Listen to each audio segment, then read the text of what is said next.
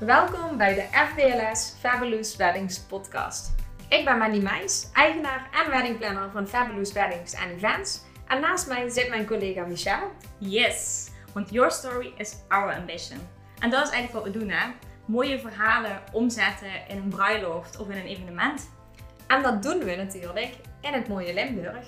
Of net daarbuiten, waar het ook heel erg mooi is. De Ardennen, Duitsland, de regio ook wel genoemd. Ja, en vind je het nou leuk om te horen wat wij meemaken, onze ondernemersverhalen, maar ook wat er allemaal komt kijken bij het organiseren van een bruiloft of een evenement?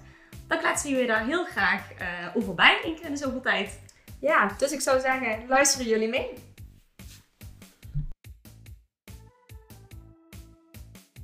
Daar zijn we weer. Hey, hallo, guess who's back? We zijn uh, nog steeds eigenlijk in onze ronde van de Wedding After Talks. Alleen hebben we er een iets andere draai aan gegeven. We waren een beetje aan het bedenken van oké, waar gaan we jullie vandaag in meenemen? Ja, de vorige keer hebben we het natuurlijk gehad over um, de gastenlijst. Een van de meest gestelde en misschien wel lastigste vragen. Um, en dan of geen kinderen op de bruiloft. Precies, en dan heel specifiek over kinderen. Um, wat ons nog is opgevallen in eigenlijk de afgelopen ja, in de laatste maand van het trouwseizoen is um, hoeveel andere voorbereidingen internationale gasten met zich meebrengen. Dus dat is eigenlijk waar we het vandaag over willen hebben. Ja, we hebben inderdaad uh, in september uh, twee of drie, volgens mij, ja.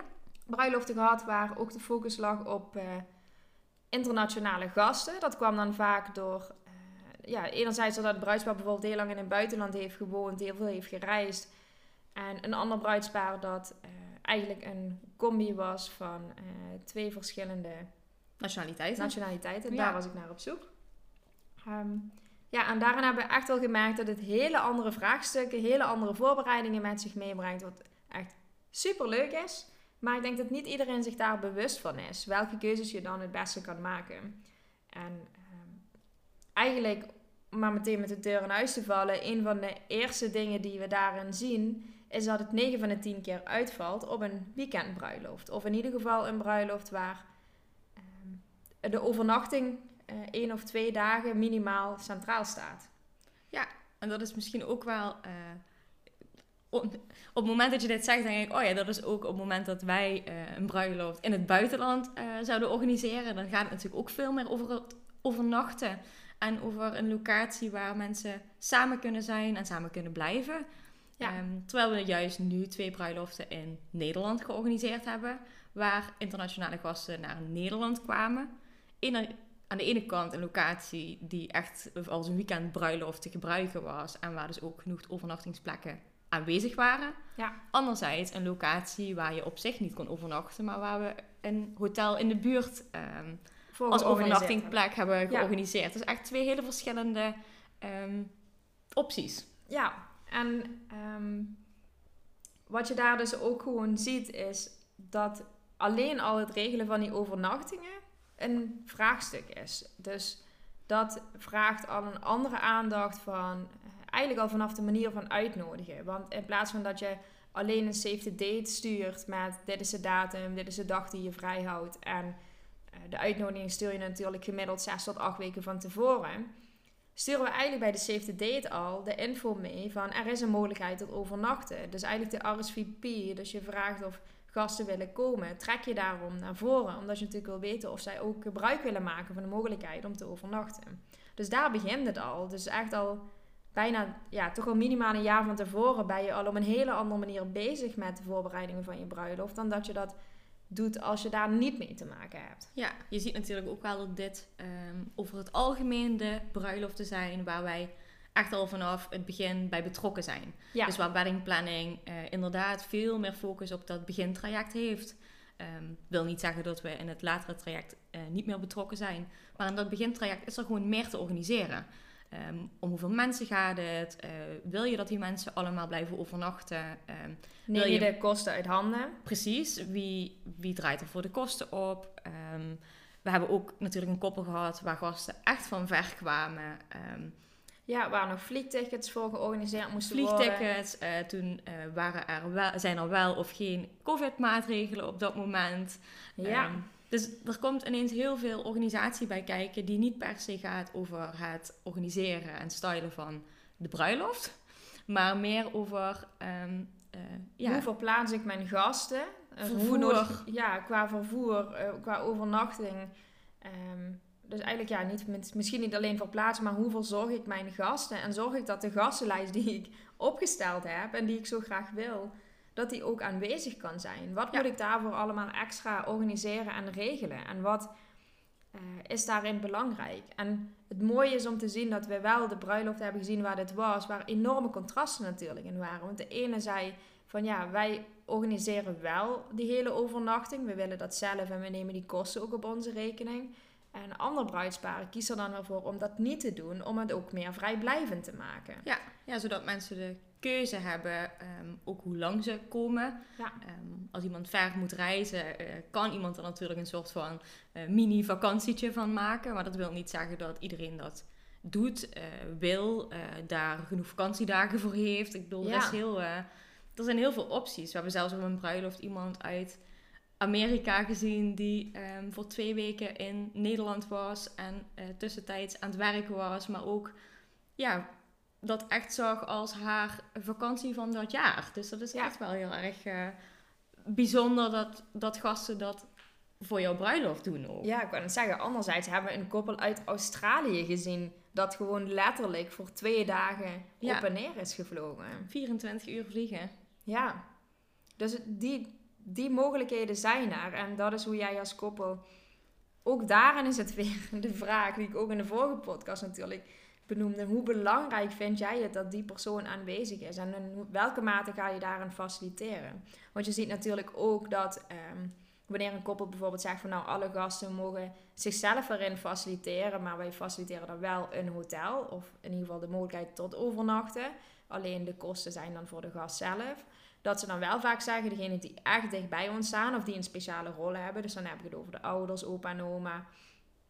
En misschien zelfs de kinderen of de getuigen, dat die, daar dan wel de kosten voor op in rekening worden genomen. Dus dat is al een eerste, Ja. eh, ja, een eerste vraag die je kan stellen. En ook wel echt heel belangrijk om mee te nemen in de overweging hoor. Want het is niet goedkoop om al je gasten te laten overnachten. Nee, je hebt, je hebt het echt heel gauw over een ruime 100 euro per koppel per nacht. Ja. Ehm, die je of dus van je gasten vraagt of zelf ehm, uitgeeft. En het is Ja. natuurlijk wel zo, hè, op het moment dat je geen trouwlocatie hebt waar je kunt overnachten en je komt bij een hotel met, joh, we willen eh, wellicht al jullie kamers afnemen of eh, een groot deel daarvan. Ehm, ja, dan is er echt wel iets met het hotel te regelen, dat mensen Ja. daar makkelijk kunnen boeken onder vermelding van je bruiloft. Ja, met, Of- een, met een kortingsmarge. eh, dat het ontbijt bijvoorbeeld wel op locatie van een bruiloft is. Maar het is wel gewoon echt een veelgestelde vraag die we krijgen Ja, hoor. Want Hoe ga je daarmee om en, en Niet wat, alleen- wat doe je, wat faciliteer je dan? ja, niet alleen bij internationale eh, gasten, maar ook gewoon inderdaad bij die weekendbruiloften. Eh, de v- meest gestelde vraag is, moeten wij die overnachting vergoeden? En ja, het stomme is, wij kunnen daar natuurlijk helemaal niet zo goed antwoord op geven. Wij kunnen niet in iemands beurs kijken. We weten niet in hoeverre er relaties met familie en vrienden zijn. Dus onze, ja, we stellen eigenlijk altijd gewoon de vragen terug van...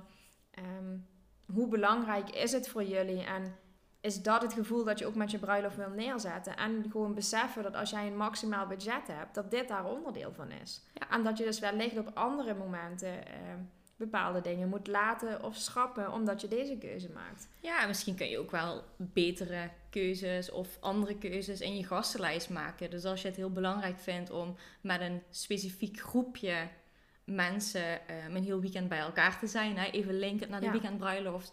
eh, en je wil dat graag faciliteren, wat, wat natuurlijk een hele, eh, ja, hele legitieme keuze kan zijn. Ja, Ehm, misschien moet je er dan voor kiezen om met een kleiner groepje je bruiloft te vieren in plaats van met heel veel extra gasten. Ja. Ehm, dat ja, kan, een, kan een keuze zijn. Een kleiner groepje, maar dan het hele weekend in plaats van één dag met heel veel mensen. ja, dat zie je natuurlijk ook als je naar het buitenland toe gaat. Want Ja. vaak ga je niet met 150 gasten naar het buitenland, maar zie je daar dus inderdaad 30 tot 50 maximaal. Ja. En dat is natuurlijk als je die hier in Nederland doet, ja, die bruiloften die we daar hebben gehad met die internationale gasten, zaten wel boven de 100 qua aantallen. Ja. Dus daar, ja, dat zijn eigenlijk allemaal overwegingen die je daaraan al kan maken. En het belangrijkste is gewoon, eh, doe het niet voor een ander, maar doe het omdat het voor jezelf goed voelt. Ja. Doe niet iets omdat jij denkt dat het zo hoort, dat jij denkt dat het moet. Eh, en dat is het belangrijkste, ook als je aan ons vraagt, ja, moeten wij dat nu bekostigen wel of niet? Moeten wij dat organiseren? Je kunt het ook openlaten, hè? want wij geven nu eigenlijk de optie, jullie bekostigen het of jullie bekostigen het niet. Maar je kunt er ook voor zeggen, of je kunt er ook voor kiezen om te zeggen van ja, jullie zijn uitgenodigd, maar alles daaromheen, regel het zelf maar. Ook die hebben we vaker gezien. Ja, natuurlijk. Ik bedoel, je hoeft het niet te faciliteren. Nee. Ehm, het is wel vaak prettig, vooral op het moment dat buitenlandse gasten niet bekend zijn in de omgeving. Dan merk je natuurlijk dat, ehm, ja, dat die eerste informatie ja, die wij geven al ehm, heel belangrijk is. Want ze weten niet wat er in de omgeving te krijgen is. Ehm, is dat tegen de juiste prijs? Dat, het geeft ook een stukje zekerheid. Van oké, er is een plek waar ik kan slapen en daar is over nagedacht. Maar ja, weet je, iedereen kent tegenwoordig ook Booking.com en alle eh, eh, Ja. boekingswebsites waarin je heel makkelijk een hotelletje of een B&B of een, in ieder geval een, een plekje om te slapen kunt boeken. Ehm, dus ja, bedenk je vooral hoe ver wil je gaan in die voorbereiding en wil je dat uit handen nemen of niet. Ehm, Is ook afhankelijk van je gast. Ken je gasten, is ook een hele belangrijke hierin. Ja. Eh, We hebben ook eh, natuurlijk gehad eh, bij die bruiloft dat ouders er toen voor hadden gekozen, omdat eigenlijk al het hele hotel volgeboekt zat. Van oké, dan komen wij met de camper. Ja, dat Ja. vond ik ook zo leuk. Ja. Super leuk. En wat ik ook heel leuk vond, die had ik net, kwam net in me op. Ehm, op het moment dat je gasten van ver laat komen, om dan eh, ehm, eh, dat ook te benoemen op de Ja. uitnodiging. Dus ehm, op een van de uitnodigingen stond van eh, dat, dat jullie aanwezig willen zijn, is al ons grootste cadeau. Ja. Iets in die richting. Dus dat je eigenlijk niet meer verwacht, je verwacht, ja, je verwacht het natuurlijk nooit, maar dat je er niet van uitgaat dat mensen nog een cadeau meenemen, maar dat ze dat geld dus investeren in de reis naar jouw bruiloft toe. Ja. Ja, echt heel mooi. Je kunt dit zo mooi aankleden. Dit is ook gewoon heel bijzonder om dan te zien eh, wat mensen voor je over hebben. Wat er alsnog Ja. allemaal geregeld wordt, ook van afstand. Want Daar heb ik me ook over verbaasd. Ja, appgroepjes in het Engels met, ja, met de grootste flashmobs die natuurlijk georganiseerd werden en een vuurwerkshow. En ja, dat, dat was gewoon fantastisch dat Ja. eigenlijk al die internationale gasten, want dit gaat natuurlijk over een koppel dat eh, heel veel de wereld rond heeft gereisd, heeft eh, in Dubai gewoond een hele tijd. En hadden dus zoveel verschillende internationale gasten. ja zoveel verschillende nationaliteiten Zo eigenlijk. verschillende nationaliteiten, inderdaad. Dat de een vanuit Europa, de ander vanuit Azië. eh, en dan toch nog elkaar opzoeken als zijnde... ja, als elkaar niet kennen. Ja, ja. als vriendengroepjes, maar elkaar toch niet kennen Ja. eigenlijk.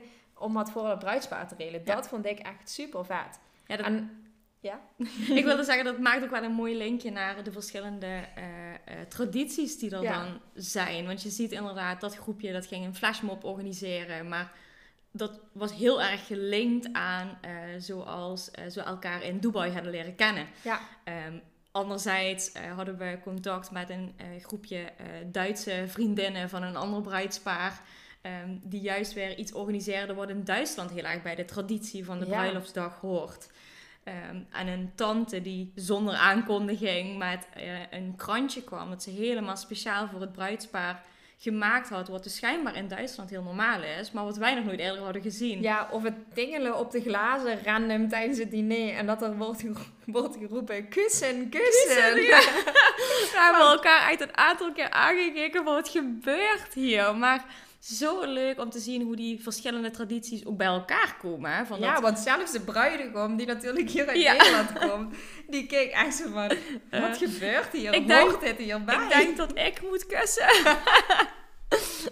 Dat was zo bijzonder om te zien. En dat, ja, die tradities, laat die er zijn. Zorg dat daar ruimte voor is. Ja. Ehm, probeer dat niet eh, weg te stoppen natuurlijk. Dus ja, ofwel dat er een gast natuurlijk ook in een bepaalde vorm van kledij komt. Hè? Je, je nodigt natuurlijk een andere nationaliteit, een andere cultuur uit. Dus tuurlijk is Ja. het niet raar dat, dat die persoon nou hield zich wel aan de dresscode op een of andere manier, Ja. maar toch op de eigen, man- Ja. eigen manier en eigen stijl. Dat vond ik heel erg mooi. ja, juist heel bijzonder. Ik vind het juist zo bijzonder om te zien hoe die verschillende, eh, eh, ja, verschillende nationaliteiten, verschillende mensen en culturen bij elkaar komen. En toch die dag helemaal om dat bruidspaar laten gaan. Uiteindelijk Ja. gaat het natuurlijk om, eh, ja, zijn zij het middelpunt en niet eh, de gasten die er zijn. Maar je krijgt zo'n bijzondere sfeer die je niet kunt plannen of organiseren. Nee. Ja, je, je kunt het natuurlijk wel deels plannen en organiseren. Dat is... Je moet hier natuurlijk wel rekening in houden. Zeker als we het hebben even over dit geval met zoveel verschillende culturen. Ehm, dat je wel erover nadenkt van... Of ja, ook eigenlijk verschillende talen. Daar moet ik het over hebben. Ja, niet per Ja. se culturen, maar Nee, inderdaad de talen, talen. en een taalbarrière ook echt. Van hoe ga ik dan zo'n ceremonie inkleden? En, Ja. ehm, we Daar hebben we ook hele ja. verschillende opties in gezien. Ja, echt. Want even om een voorbeeld te geven van het koppel. eh, zij was dan Duits, hij was Nederlands. Dat hebben we aangekleed met een trouwambtenaar die het trouwens echt fantastisch deed. Drie talen. Want het, het ding is dus, zij spraken dus onderling Engels. Ja, ze, Dus- ze hebben elkaar in Australië leren kennen. Dat is wel leuk om eh, Ja, te weten. En ja, spraken Engels, of spreken, niet spraken, spreken ja. Engels met elkaar. Ehm, maar zij praat inmiddels Nederlands. Hij praat ook gewoon vloeiend Duits. Maar toch spreken ze Ja. inderdaad Engels Ja. onderling. Dus ze hebben ervoor gekozen om de gelofte in het Engels te doen. Om het grootste gedeelte van de ceremonie gewoon in het Engels te doen. Maar alles dat over haar werd verteld, dus zij is Duits, werd in het Duits verteld. En Ja. alles dat over hem werd verteld, werd in het Nederlands verteld. Ja, het was en alle belangrijke elementen, want ja, het is natuurlijk wel een officiële Nederlandse ceremonie, werd er nog wel even in het Nederlands en in het Engels bevestigd. En dat had de trouwambtenaar zo ontzettend goed gedaan. het ging ook zo onwijs vloeiend in elkaar ja, met over. al die grapjes en die Ja, interactie. Dat vond ik echt heel erg knap om... Zij schakelde echt alsof ze gewoon drie talen door elkaar sprak, zeg maar. Ja. Het ene woord na het andere over. Echt heel erg, eh, heel erg gaaf. En Ja. dit koppel, ehm, wel leuk om te noemen. In het begin, eh, tijdens het organiseren, eh, zeiden zij van... Ja, hoe gaan we dat nou doen, hè? Met die verschillende talen bij die ceremonie moeten we dan één taal kiezen... en één taal in een soort boekje vertalen. en wat gaan wij dan doen? Ehm, en toen kwam dit idee en op een gegeven moment hadden we het over een gelofte. En toen zei ik tegen ze van, hoe gek is het dat jullie elkaar iets gaan beloven in een andere taal dan dat jullie tegen elkaar spreken. Dus toen Ja. kwam dat stukje Nederlands en Duits was natuurlijk duidelijk, maar toen kwam Ja. dat stukje Engels er ook bij. Ja, maar dat was voor dat andere koppel dus ook. Ja, Want klopt. die hebben ook- Die hebben ook een gelofte voorafgaand aan eh, de ceremonie trouwens. In het Engels tegen elkaar, eh, eh, of naar elkaar uitgesproken. Ja, en de ceremonie was wel ook grotendeels in het Engels. Wat inderdaad bijna geen andere optie was met zoveel verschillende nationaliteiten. Nee, dat was wel eh, heel erg chaotisch geworden met Ja, al die talen door maar elkaar. het leuke was, de dingen die net het, ja, nodig waren, bijvoorbeeld zij komt origineel uit Maastricht, Ja, dat de trouwambtenaar toch net even de moeder, ja, de Ja. moeder van de bruid dan aanspreekt in het Maastricht. ja. Dat was gewoon echt Net even dat dialect Ja. erin, dat maakte het, eh, het maakte het gewoon super persoonlijk. Het En, maakt het echt af. en de keuze voor de trouwambtenaar daarin is wel echt eh, misschien nog wel een van de, van de grootste tips als je het hebt over internationaal. Kies iemand die hiervoor open staat, met je mee wil denken ehm, en die het kan. Ja. Ja. maar het gaat natuurlijk niet alleen voor je trouwambtenaar, want ook in dat proces ehm er naartoe, maar ook op de dag zelf wil je toch leveranciers, wil je een locatie die allemaal wel een, de mogelijkheid bieden om ermee om te gaan. Dus ofwel eh, in ieder geval een wereldtaal spreken, liever Engels dan Chinees natuurlijk, maar Dat zou mooi zijn. op zich wel heel handig is. En natuurlijk in deze regio ook het Duitse heel erg. Ehm, Ja. Want dat zien we natuurlijk heel vaak terugkomen. Dus qua locatie is dat heel belangrijk, maar ook een DJ. En een DJ is natuurlijk nog belangrijker dat hij en eh, meerdere talen spreekt, maar ook mee kan gaan in de verschillende culturen en de muziek die daarbij hoort. Maar ook het kennen van die tradities, want hij wist wel alles over die Duitse tradities, wat wij niet wisten. Klopt, ja, dat was echt, eh, echt super knap. Maar ook, ja, wij luisteren natuurlijk ook wel in dit geval Duitse muziek. Maar dat zijn de Duitse liedjes die in Nederland bekend zijn. Dat zijn ja, niet de per se de... van carnaval, zeg maar. ja. dat zijn niet per se de, eh, de, de liedjes die op dit moment in Duitsland een dansbare hit zijn.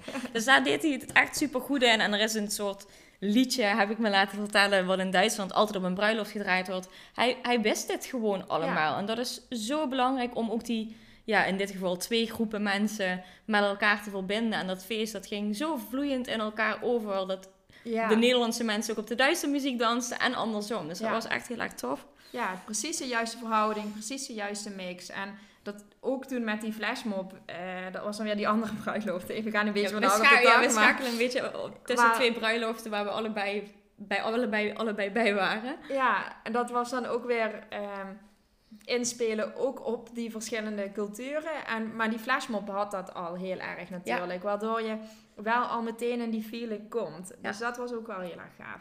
Ja, en verder, het ligt voor de hand. Ook je andere leveranciers. Ik bedoel, wij moeten ook Duits praten. Wij moeten ook Engels praten. Ja. Ehm, zeker, Michelle is hartstikke goed in Duits. Ja, zeker.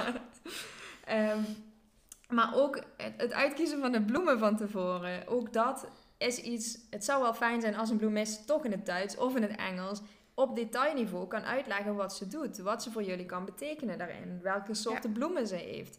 Eh, een fotograaf en een videograaf die natuurlijk heel veel interactie met de gasten heeft, moet ook gewoon meertalig zijn. Het wordt natuurlijk een beetje lastig als, als dat niet het geval is. En, want daardoor kan natuurlijk ook die klik niet ontstaan. Ja, Dus- die klik, maar ook inderdaad net even weten dat, eh, dat, dat er iets opgevoerd wordt. ehm, ja, dat het vastgelegd moet worden, dat het ja. anders is dan anders, maar dat het er juist bij hoort. eh. Ja, Dat- en dat dat, is hij wel- niet een beetje raar staat te kijken, zo van, wat gebeurt er Shit, hier moet ik dit nu gaan filmen? Ja, dat. ehm, en daar viel me net nog iets in wat ik daarover wilde zeggen. Dat ook, maar ook dat kan stimuleren, maar ook weten wat er ook in andere culturen belangrijk is. Hè? Want bijvoorbeeld eh, hier in Nederland zien we dat er veel minder groepsfoto's worden gemaakt. Eh, terwijl dat in Duitsland echt nog een ding is. Hè? Dus alles moet Yep. worden afgetikt. Eh, elk rijtje, dat moet ook goed staan. Dus de getuigen moeten aan de juiste kant staan. Als we het doen, doen we dat sowieso wel Ja. op die manier. Maar nog belangrijker. En dan is het echt belangrijk dat, dat je dat als fotograaf en als videograaf zijnde ook weet. Dus ja, eigenlijk conclusie. Kies je leveranciers gewoon ook hartstikke goed uit. Zorg dat ze bij je passen. Zorg dat je het gevoel hebt dat zij die internationale bruiloft die jij voor ogen hebt neer kunnen zetten. Ja, dus ja, ik was denken hoe, hoe ronden we dit af, maar eigenlijk is het samengevat ehm, super leuk om internationaal ja, gasten uit te nodigen op het moment dat het bij je past, eh, op het moment dat het jouw dierbaren zijn. Ehm, Bedenk goed welke tradities je daarvan wel en niet mee wil laten nemen. Maar sta ook open om je te laten verrassen. Dus. Ja, Want ja, dat heeft dat- echt dat bij deze dat wilde heel zeggen, goed ja. uitgepakt. Ehm, zorg voor vooral een hele goede trouwambtenaar. Ik denk dat dat de nummer één is van die leveranciers. En verder zorg voor leveranciers waar je die klik mee kan vinden. Ook in een andere taal. Eh, zorg dat zij afweten van de tradities. Al moet je het ze vertellen. Maar ben er dan bewust van dat je het wel met ze deelt. Ehm, en zorg er gewoon voor dat als je dit doet, ja, het alleen maar meer fun met zich meebrengt dan dat het extra last qua voorbereiding met zich meebrengt. Want wat we net al zeiden, het is wel, ja, je bent eigenlijk ook net gewoon eh, een half reisbureau aan het runnen. eh, nog Ja. een jaar van tevoren. dat zeg eh, maar. herken ik, ja. nee, Ja. maar het is wel, ja, begin op tijd met voorbereiden. Vooral om ook je gasten een beetje zekerheid en gevoel van vertrouwen te geven voordat ze naar een ander land komen voor een bruiloft. En Ja. geef die gasten dan ook een speciale rol. En, eh, of een speciale rol, laat ze dan ook lekker hunzelf zijn. En Ja. ehm, ondanks dat de dag altijd gaat om jullie liefdesverhaal, eh, ja, geniet van de speciale groep mensen die je dan om je heen hebt. Ja. Ja. Meer kan ik er eigenlijk niet over zeggen. Ja. Nou ja, het, het enige dat me nog echt even inviel is... We hadden natuurlijk bij die ene bruiloft eh, met, die, met flink aantal internationale gasten. Ze hadden ook een weekendbruiloft. Op vrijdag hadden ze een rehearsal diner met familie. Die ook van alle windstreken kwam. Eh, op zaterdag hadden ze dan het bruiloft met de ceremonie en een feest. En op zondag hadden ze nog die dikke afterparty met alleen hun vrienden. Waar dus met name een internationale groep gasten uit bestond. En we hebben het gehad over die verschillende culturen en tradities. Maar zij hebben er juist voor gekozen om er een thema aan te hangen. Om dat ook een beetje eruit te halen. Ja. Om juist wat meer samenhorigheid te krijgen. Iedereen in een gek kostuum te duwen. En daardoor meer de lading eraf te halen van... Oké, jij komt eh, bij wijze van uit Dubai. Maar jij komt uit Frankrijk. En dat dat niet heel lekker matcht. Dat Ja. haal je volledig daarmee weg door Ja. een thema eraan te hangen. Door een- Daar moet ik nog even aan denken. Ja, door een thema en ook echt door een organisatie waarin die groep zich met elkaar moet mengen. Ja. Eh, we hadden natuurlijk echt een, eh, eh, ja, een grote Oud-Hollandse speldag georganiseerd. ehm, waar eigenlijk met name de shotjes ehm, Voor de centraal- sorry. ja, centraal stonden. Maar doordat je teams creëert, ehm, worden, eh, door de, het thema was ridders en prinsessen. eh, maar worden accessoires uitgedeeld, waardoor je teampjes kreeg. Ja, en we dat- hebben heel bewust geselecteerd dat een koppel bijvoorbeeld dat wel samen aan de bruiloft was gekomen, niet hetzelfde accessoire kreeg. Ja, waardoor je gewoon, ja, je gaat de, je men- mensen met elkaar mixen en mensen eh, krijgen een band doordat ze het hele weekend samen op zo'n bruiloft zijn. En Ja. dat, dat wilde ik nog toevoegen. Van, denk erover na of je dat juist wel of juist niet wil en organiseer dat dan. Ja, ja dit was gewoon echt een hele leuke toevoeging. Maar Ja. Ja, ik hoorde net inderdaad van, hè, waardeer die eh, culturen en tradities, maar kies er inderdaad soms ook voor om dat juist even helemaal naar de achtergrond te zetten door bijvoorbeeld zo'n, Ja. ja, door zo'n te gek themafeest te organiseren. Ja, door iedereen gewoon lekker eh, eh, ja, bij elkaar te brengen en samen te laten vieren waar ze voor komen. En dat is jullie bruiloft. En of dat nu nationaal, internationaal, of dat nu een weekendbruiloft, een dag, of dat in Limburg of in het buitenland is, dat maakt eigenlijk allemaal niet uit. Wij zijn er. Wij zijn. ja, mooie inhaker inderdaad. Ja, Ja, dus mocht je hier meer vragen over hebben, let us know, zoals altijd. En dan eh, gaan we daar zeker nog eh, meer over vertellen. we Als gaan er hem. nog meer over valt te vertellen. Ja, nou ja, va- vast wel. Ja, waarschijnlijk denk ik na deze podcast wel, ik ben dit vergeten te vertellen en dit. Maar dan doen we dat wel via stories. Ik wou zeggen, dat, eh, dat komt er nog wel achteraan. We gaan hem afronden. Dankjewel voor het luisteren weer. Dankjewel voor het luisteren. Tjus! Bye bye. Zo, dat was hem weer. Bedankt voor het luisteren. Ja, dankjewel allemaal. Vonden jullie dit nou een hele fabulous aflevering? Laat het ons vooral dan even weten via Spotify of via Apple door een leuke review te schrijven. En denk je nou, deze twee chicks kunnen echt iets betekenen voor onze bruiloft of evenement? Ga dan naar www.fblsweddings.com en vraag een gratis kennismakingsgesprek aan. Dat zou echt heel erg leuk zijn. Tot de volgende keer. Bye bye! Bye bye.